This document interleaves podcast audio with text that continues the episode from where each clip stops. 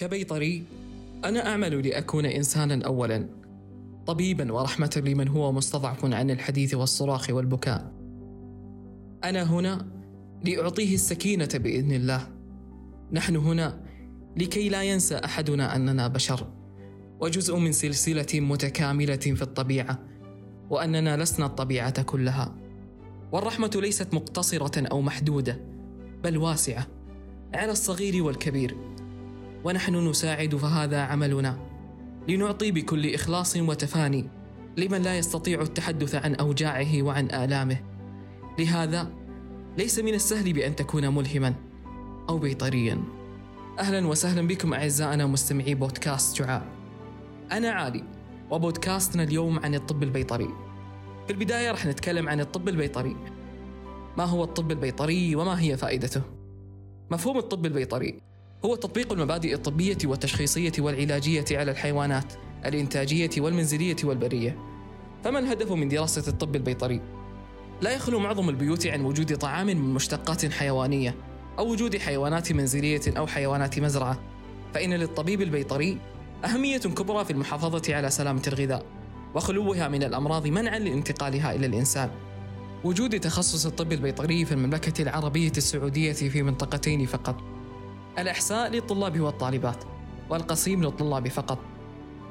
نسب القبول في كلية الطب البيطري في جامعة الملك فيصل للعام الماضي كانت للطلاب 72% والطالبات 88% شروط الانضمام إلى كلية الطب البيطري بجامعة الملك فيصل.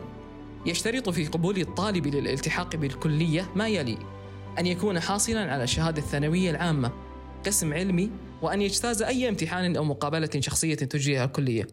وكذلك اجتياز السنة التحضيرية بمعدل 2.75 وأكثر. عدد سنوات الدراسة.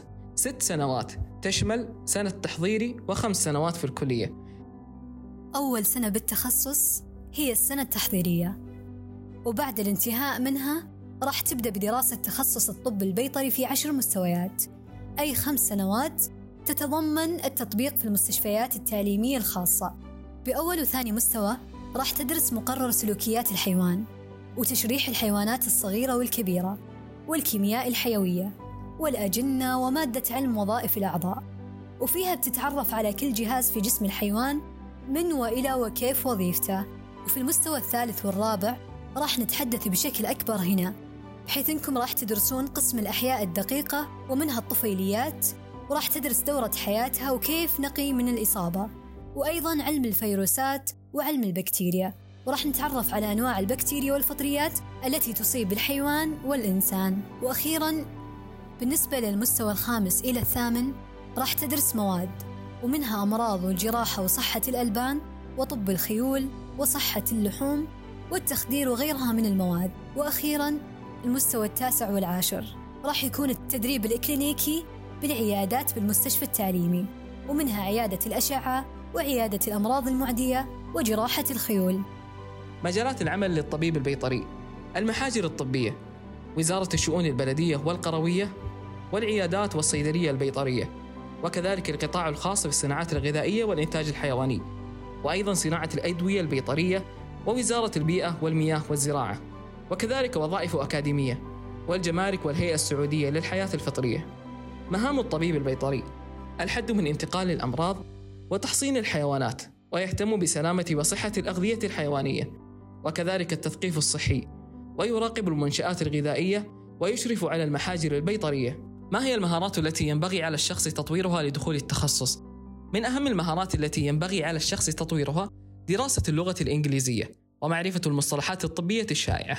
قصة من إحدى الطالبات: خرجت من المنزل ذاهبة إلى الجامعة باكرا في صباح يوم جميل تتخلخل فيه أشعة الشمس الشجر، وعندما خرجت من المنزل سمعت صوتا صادرا من صندوق صغير تحت الشجرة. ذهبت لأرى ما في الصندوق وإذا بقط صغير في حالة يرثى لها. كان القط يبدو عطشا فوضعت له القليل من الماء وأخذته إلى المستشفى البيطري التعليمي التابع لجامعتي. هم الطبيب لمساعدة ماء رأى حال القط.